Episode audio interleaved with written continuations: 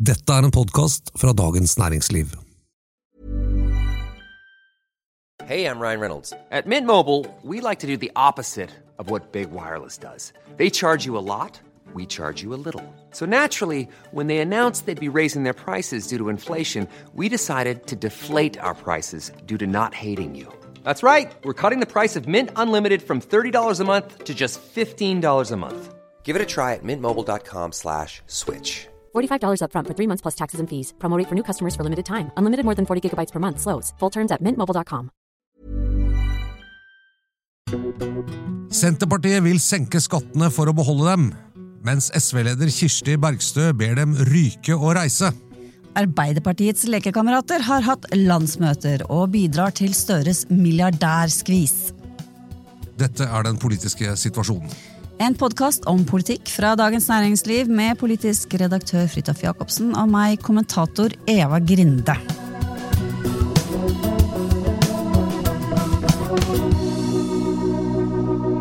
Yes, Det har vært landsmøter, Fridtjof.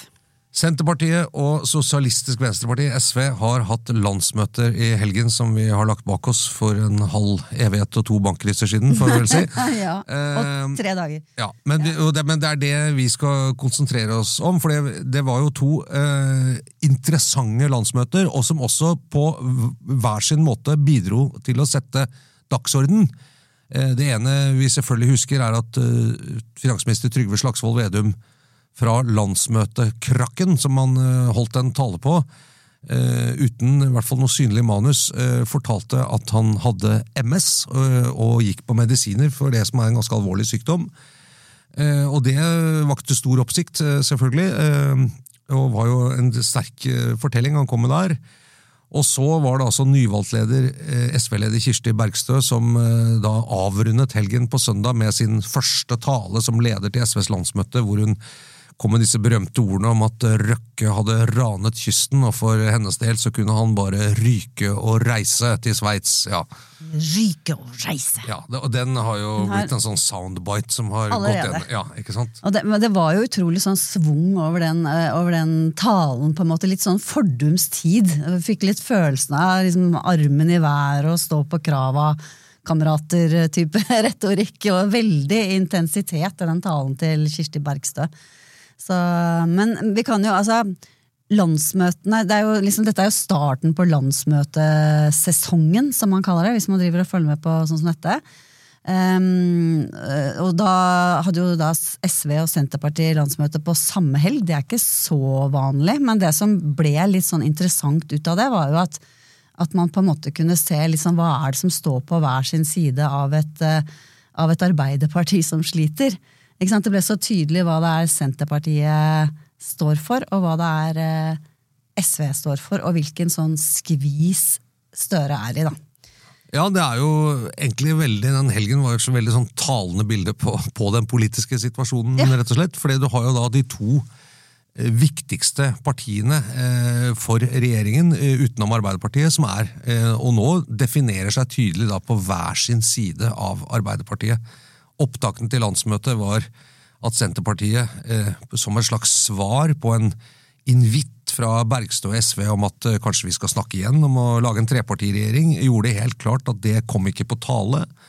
Og som parlamentarisk leder i Senterpartiet, Marit Arnstad, sa i et intervju, vi er ikke noe venstresideparti, vi er et sentrumsparti, vi har ikke noe med den politiske venstresiden å gjøre. Så tok hun en ganske stor avstand mot landskapet til venstre for Arbeiderpartiet, som er jo et ganske stort politisk landskap i, på Stortinget i dag. Ja, det er jo det. Og det, det er jo Altså Det er jo i tråd med det de for så vidt sa før valget, i den forstand Senterpartiet hele tiden sa at vi foretrekker en Arbeiderparti-Senterparti-regjering. Samtidig så gikk jo Arbeiderpartiet til valg på eh, å etablere en rød-grønn regjering. ikke sant? Som, det som skjer nå, er jo at det blir enda mindre sannsynlig at det er en mulig vei å gå i 2025.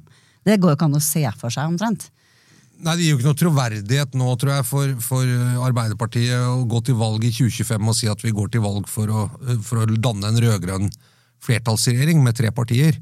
Eh, sånn som eh, Støre gjorde i 2021. Det, det går ikke an å si lenger etter disse landsmøtene, med, med mindre det skjer noe veldig dramatisk på, på landsmøtene som kommer da i 2025. Men, men det som var litt oppklarende her, var jo at mens dette sammenbruddet i regjeringsforhandlingene, eller sonderingene som det var da i Hurdal, var litt sånn uklart hva, hvor var det egentlig det butta? Hva var det som gjorde at ikke dette gikk som man trodde skulle gå, som man fikk inntrykk av skulle gå?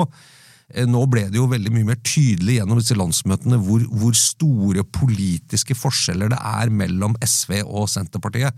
Og dermed så og Hvis de har vært der hele tiden, så må man nesten si at det alltid har vært urealistisk at de to partiene kunne sitte i en regjering. De kan samarbeide om statsbudsjetter som de har gjort, og det finner de jo ut av på en relativt ryddig måte, men, men at de kan samle som et felles regjeringsprosjekt, det var jo vanskelig å se for seg etter disse landsmøtene. Ja, ehm, jeg syns jo det ser ut som Senterpartiet særlig bort altså, En interessant ting er jo at dette eh, varslede strømopprøret i Senterpartiet, det materialiserte seg jo ikke. Det var jo 11 av 16 fylkeslag eh, som hadde ulike resolusjoner på, på strømpolitikken, inkludert ganske eh, ganske radikale forslag om kuttekabler kutte kabler og fastpris og kutte samarbeid med EU osv. Ingen, ingen av de fikk, flertall på landsmøtet, bortsett fra én sak, og det var elektrifisering av melkeøya. Ja. Og det, det er jo en utrolig konkret sak, eh, som jo må skape ganske hodepine for regjeringen. fordi at her altså, går det ene regjeringspartiet inn for eh, helt klart å, å droppe elektrifisering av, eh, av Melkøya, mens regjeringen går inn for det. Så? Det er sånne ting som man liker ganske dårlig, tror jeg. Eh, så konkrete vedtak i, i et av regjeringspartiene. Da, blir det litt, eh, da får man fort litt vondt i hodet. Ja, og det er jo ikke, det er ikke helt lett. I dag hørte jeg Geir Pollestad, finanspolitisk talsperson for, for Senterpartiet på, på Stortinget, prøve å forklare hva som var alternativet. Og Argumentene mot å elektrifisere er jo i og for seg ryddige. Sier at den strømmen man bruker til det, vil man heller bruke på andre fremtidige industriprosjekter i, i Finnmark og Nord-Norge eh, for å gi landsdelen nye industriarbeidsplasser og arbeidsplasser. Og at dermed så tar man, bruker man veldig mye av den strømmen som finnes i, i den regionen på Melkøya, så vil det ikke bli plass. Men, Sånn sett men er det jo veldig i tråd, med, i tråd med distriktspolitikken og distriktsprofilen selvfølgelig, til Senterpartiet. Ja, det, det, altså, det er i og for seg et, et logisk argument. Det, det ene, Bortsett fra at, så vidt jeg kan se, i hvert fall så, så er disse industriprosjektplanene foreløpig ganske luftige. Det er, det er ikke sånn at man må velge mellom en konkret fabrikk eller en konkret stor arbeidsplass og noe Ikke annet. foreløpig i hvert fall, ennå. nei.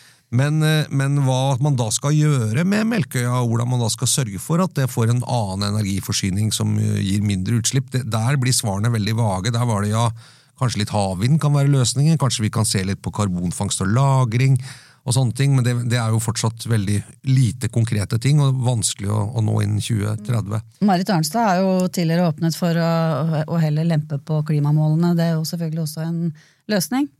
Det er selvfølgelig også en løsning, og kanskje egentlig den logiske konsekvensen å si at eh, skal vi nå disse selvpålagte målene om å kutte 55% av norske utslipp da, eh, uten, utenfor eh, innen 2030, så, så blir det så krevende, og det setter så mye brems på industriutvikling f.eks., og, og olje- og gassektoren vil måtte ta så mye norskprodusert fornybar strøm at vi får heller droppe det og si at vi skal ikke kutte så mye, vi får kutte litt mindre. Men det, men det er klart det er et budskap som å si det konkret er litt vanskelig, både med tanke på hva som står i Hurdal og hva Litt vanskelig å selge inn, eh, selge inn det. Det blir fort, eh, blir fort mye, mye bråk av, av den type argumentasjon. Men, men altså, det ble ikke så fryktelig mye trøbbel for Senterpartiledelsen når det gjaldt eh, strømsaken, som man jo har kunnet tro hvis man har fulgt nyhetene liksom, framover nå i, i vinter og vår.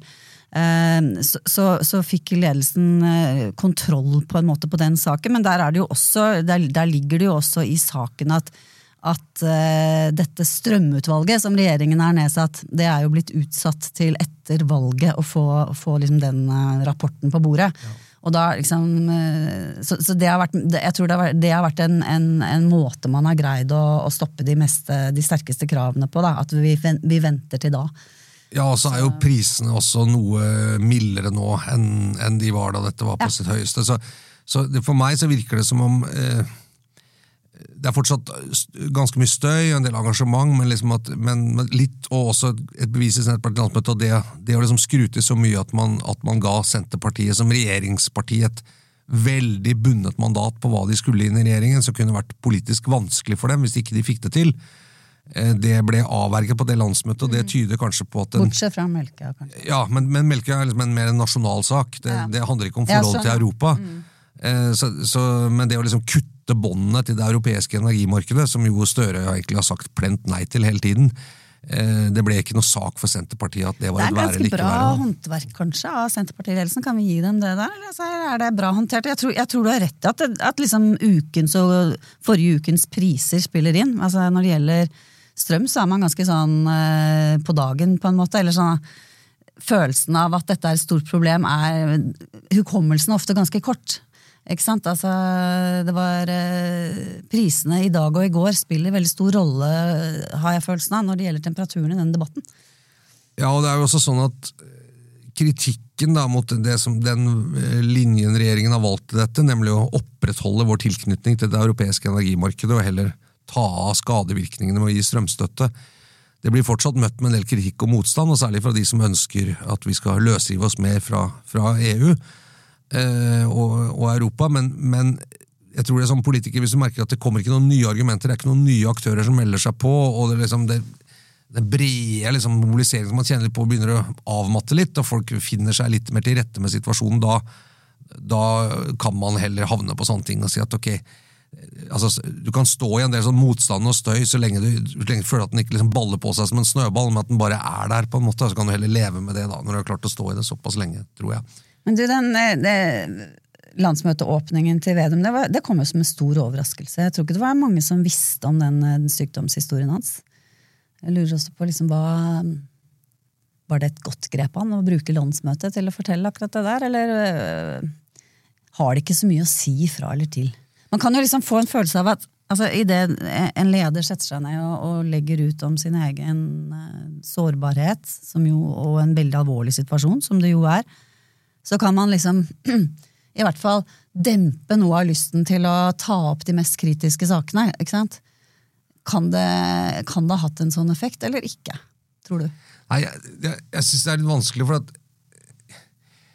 For det første så, eh, så kan man jo si, hvis man skal gå helt til kjernen og si at eh, bør et parti vite om en såpass alvorlig eh, situasjon hos sin egen partileder?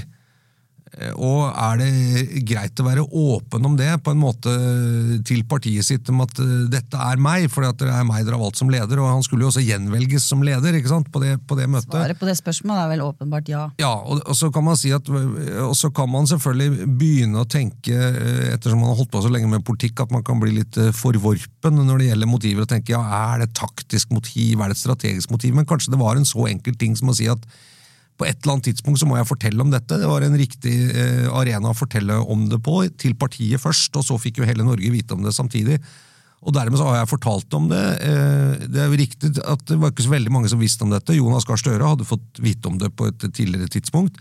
Eh, Men det var en veldig liten krets som visste om det, og, og jeg syns det er fair. Det må jeg tenke på når jeg har tenkt på det, så jeg synes det var fair og riktig å, fortelle om det og være åpen om det. Og situasjonen er jo tydeligvis også nå ganske hvert fall nå stabil. altså Man er med medisiner som virker. Han sier det påvirker ikke hans arbeidskapasitet. Han er i stand til å skjøtte de vervene han har fått. og, og da syns jeg det var helt, eh, Det helt rimelig å fortelle om det. Helt åpenbart at det er riktig å fortelle om det. Og så tenker jeg også at han har et behov for å eie måten det blir fortalt på. Ikke sant? Det er mye bedre å ta, det, ta den regien der. Eh, Han har liksom alle kameraer og medier på seg, og hele landsmøtet osv. Så, videre. så så det, det, det går an å forstå. Så, men spørsmålet er liksom hva det ja, det, og, og, det, er jo, det, er en, det er jo en politisk altså, situasjon, på en måte. Altså lands, eh, landsmøte. Der skal man meisle ut ny politikk. Eh, så spørsmålet er om eh, ja, om det hadde noen, eh, hadde noen effekt. Jeg tror kanskje ikke det. Jeg, tror, jeg, tror, jeg, jeg kan ikke tenke meg at det I hvert fall ikke på ren politikk. altså Kanskje akkurat på stemningen samme dag osv.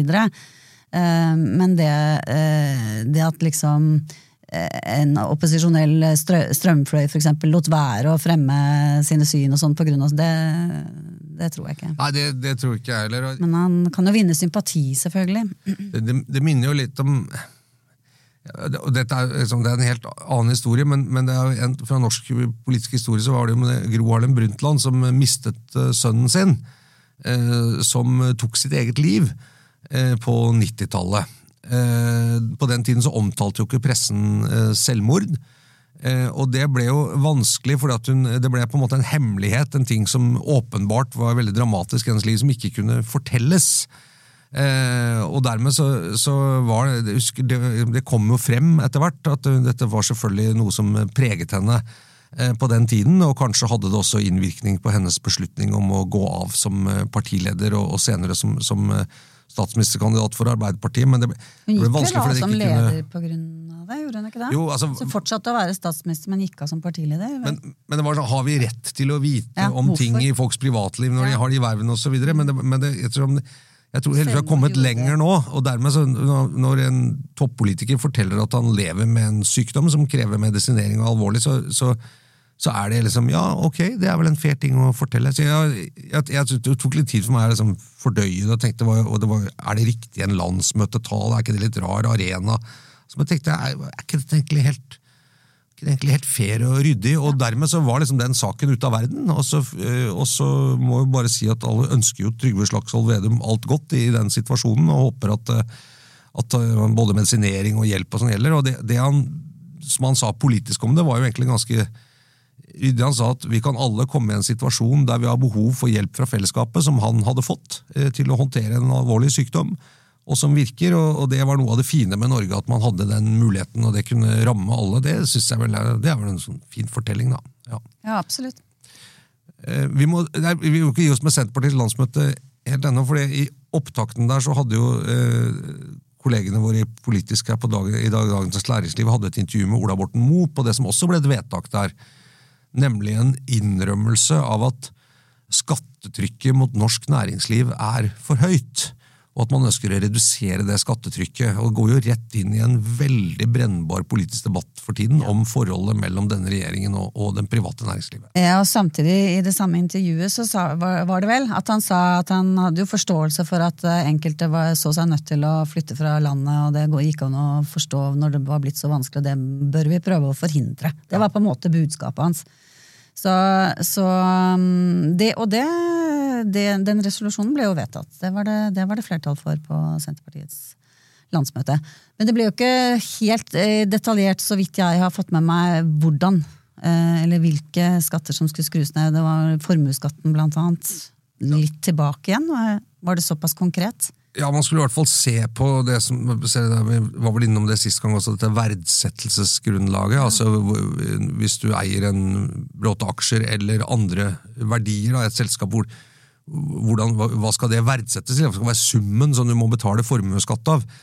Eh, og det er klart, eh, Som også kom frem på den debatten hos Fredrik Solvang i går, er at hvis selv om skattesatsen på formue... altså. Ja, på tirsdag, selv om skattesatsen på formuesskatten er lavere nå enn den var eh, for noen år siden, eh, så er det sånn at eh, hvis, hvis de er i regnskapet i skatten sier at de aksjene som du før bare fikk verdsatt til halvparten av verdien, nå er verdsatt til 80% av verdien, så må du allikevel betale mer skatt, selv om satsen er lavere. ikke sant? Det var, så, så det var snakk om å gå inn i, men det, det politisk viktigste, syns jeg, var at Senterpartiet var tidlig ute med å si at ok, vi har strammet skatteskruen for mye på næringslivet, vi erkjenner det, og dermed så har de jo eh, måttet bøyd seg litt for en kritikk som har vært ganske massiv fra norsk næringsliv nå i, i flere måneder, om at statsbudsjettet i fjor innebar en for drøy skatteskjerpelse på privat næringsliv, da, og knyttet disse flyttingene til Sveits. det Men det, det, Det er bringer oss jo over på liksom, eh, del to, for at signalene fra det andre landsmøtet denne helgen var jo noe ganske annet. da.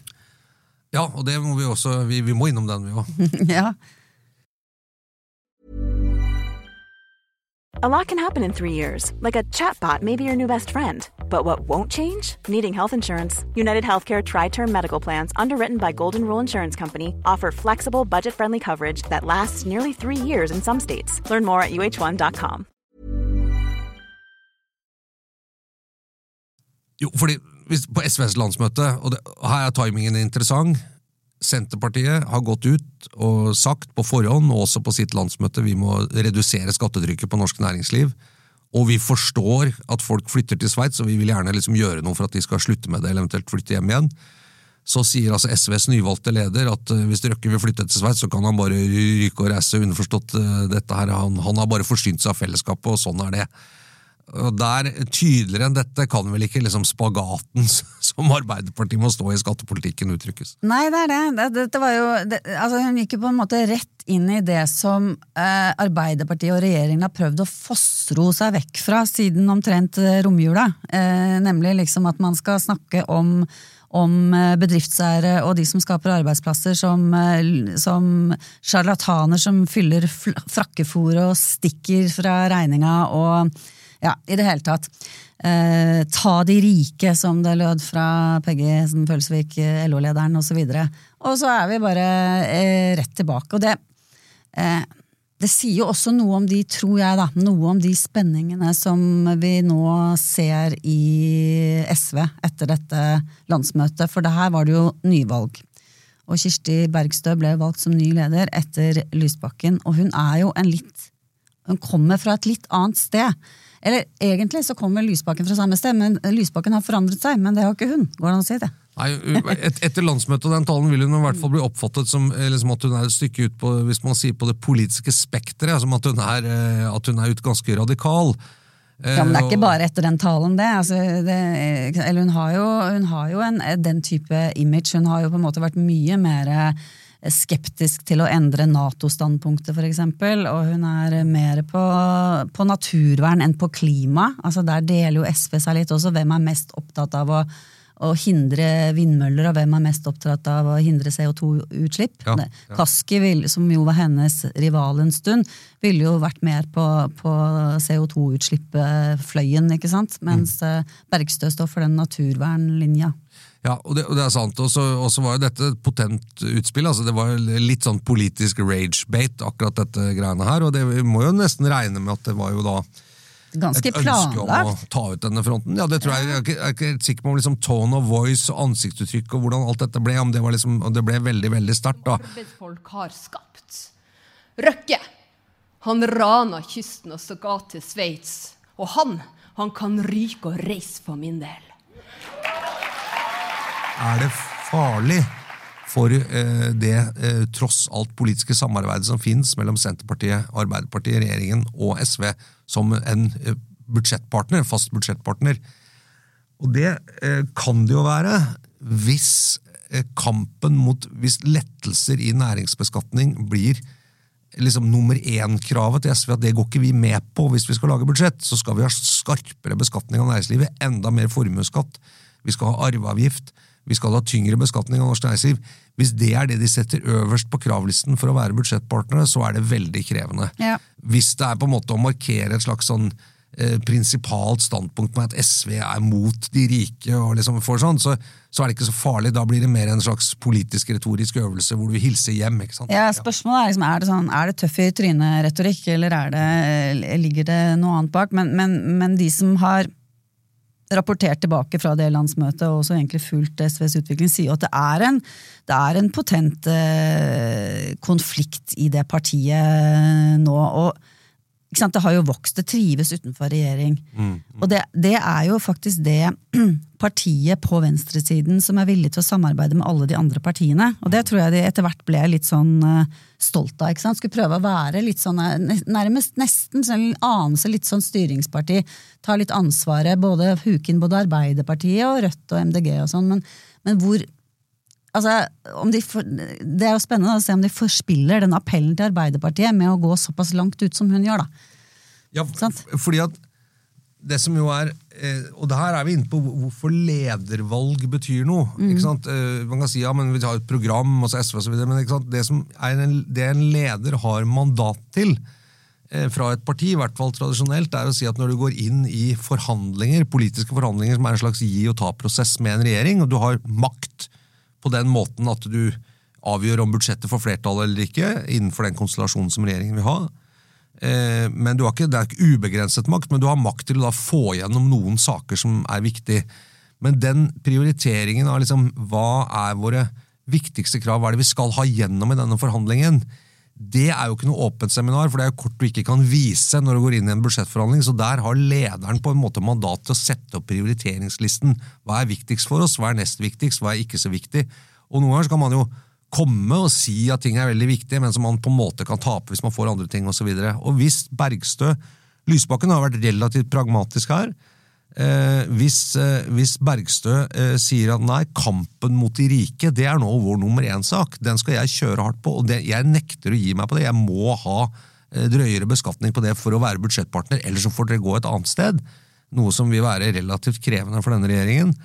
Eh, så er det et veldig stort problem. Altså. En, en, en sånn kontinuitetsfaktor her er jo Kari Elisabeth Kaski, da, som stadig sitter som finanspolitisk eh, talsperson, ikke sant? og kommer til å få en, og har en, en viktig rolle i, i eh, budsjettforhandlingene og alle forberedelser til det osv. Så, videre. så samarbeidet da mellom de to tidligere rivalene eh, blir også viktig, vil jeg tro.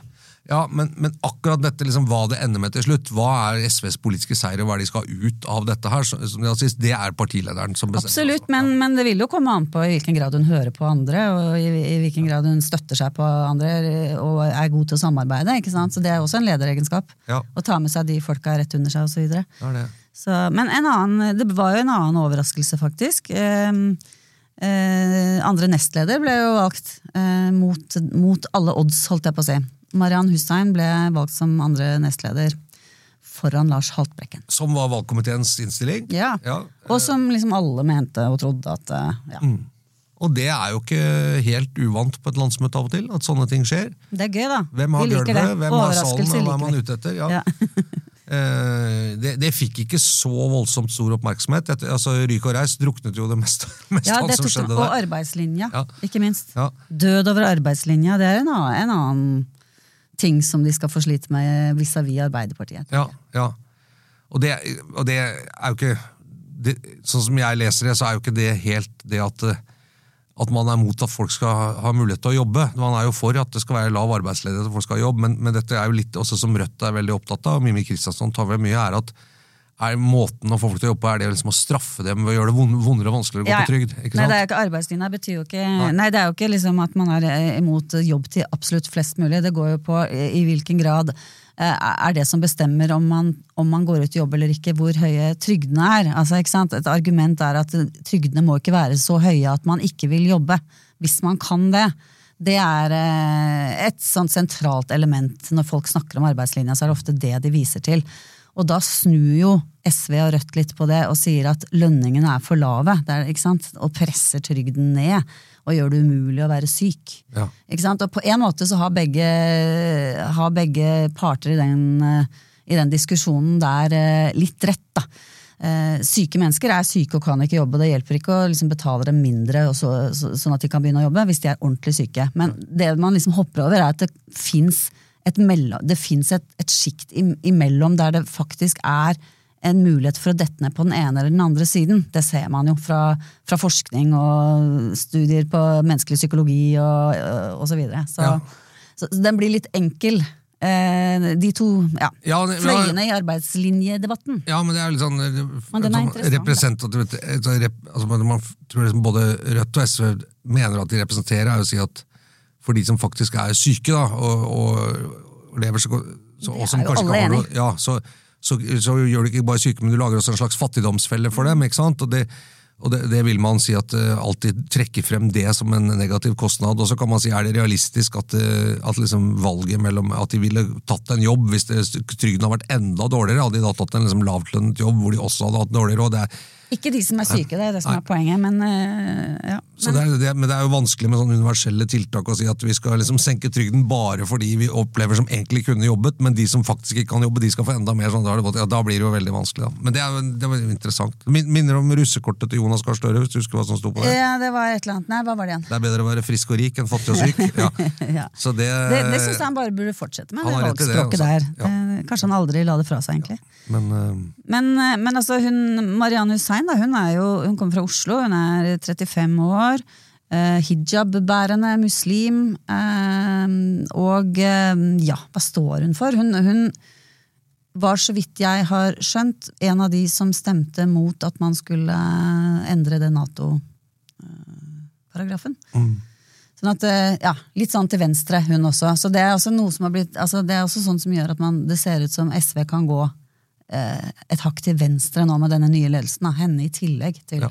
til Bergstø. Men Saltbrekken var jo en utpreget si, klimapolitiker. Ikke sant? Som, eh, som jo veldig kom fra eh, klima, miljøbevegelsen, og var, var jo ganske sterk opplest på kli, klassiske klimasaker. Det som hadde med det å gjøre.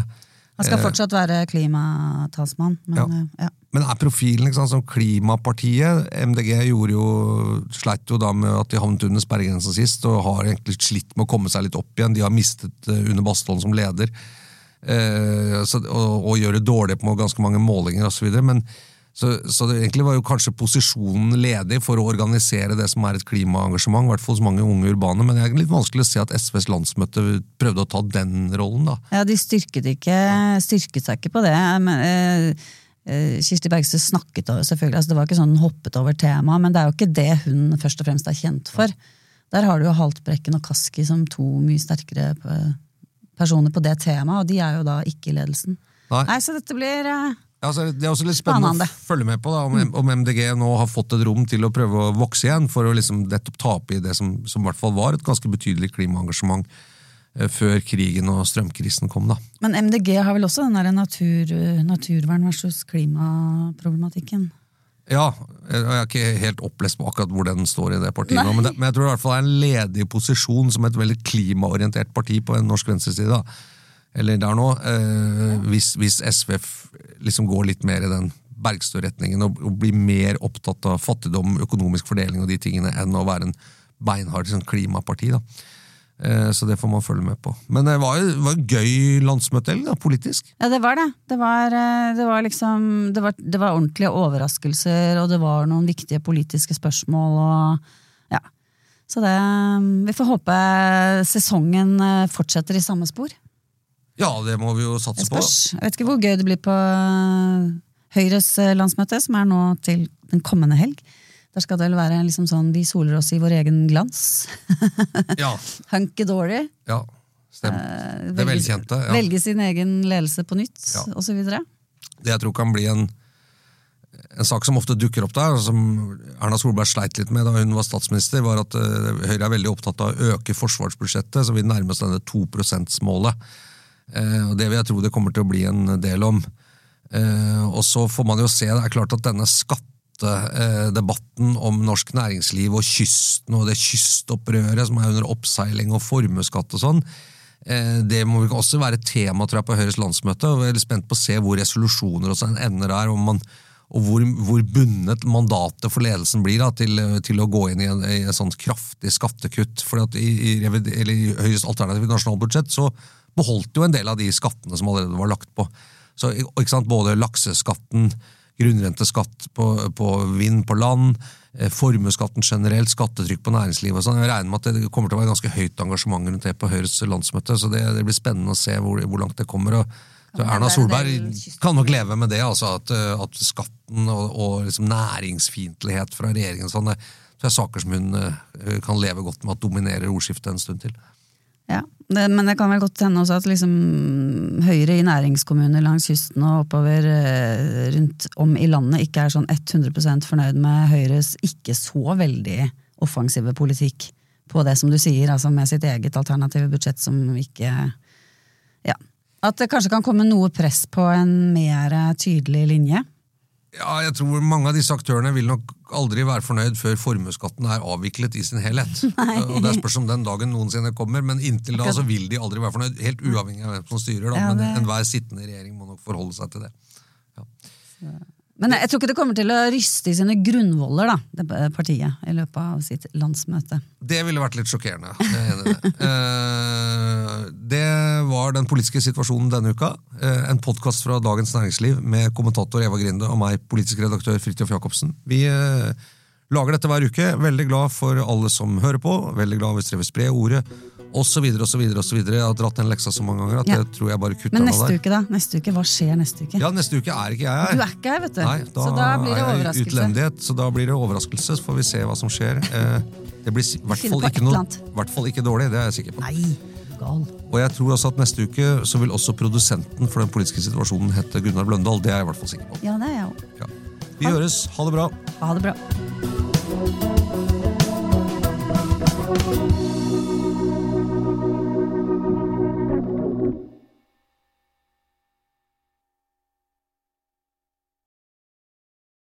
Du har nå hørt en podkast fra Dagens Næringsliv.